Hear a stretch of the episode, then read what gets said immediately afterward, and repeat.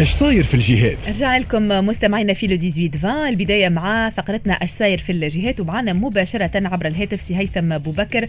الناطق الرسمي باسم المحكمة الابتدائية بسوسة 2 مرحبا سي هيثم. مرحبا بكم جميع مستمعيكم. شكرا لك. نرجع معك على آه، حادثة مغادرة يخت فرنسي. كان محل عقلة آه، لميناء القنطاوي. لو كان تعطينا تفاصيل الحادثة هذه وهل تم العثور على المعني بالأمر؟ وبالفعل آه، في مركب ترفيهي كان بتواجد في ميناء القنطاوي اللي تعرض حسب آخر المعطيات إلى عدة عقل تحفظية من قبل دينين كذلك بين أنهم أجانب.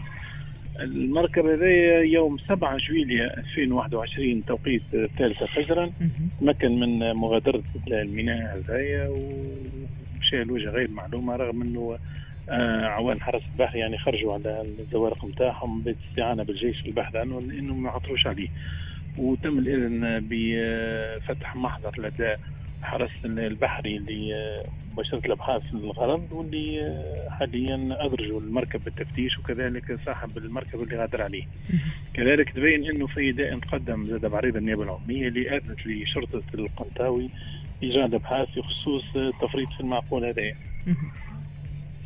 سي هيثم بعد أي بعد صدور القرار اللي يمنع منعا باتا خروج مراكب الصيد الترفيهي وكذلك سفن الترفيه يوم 5 أوت. كيفاش قاعد يتم التعاطي مع القرار هذا؟ هل قمتوا بتكثيف الرقابة في ميناء القنطاوي انه التعزيزات الأمنية معناها موجودة من قبل بالقدر الكافي؟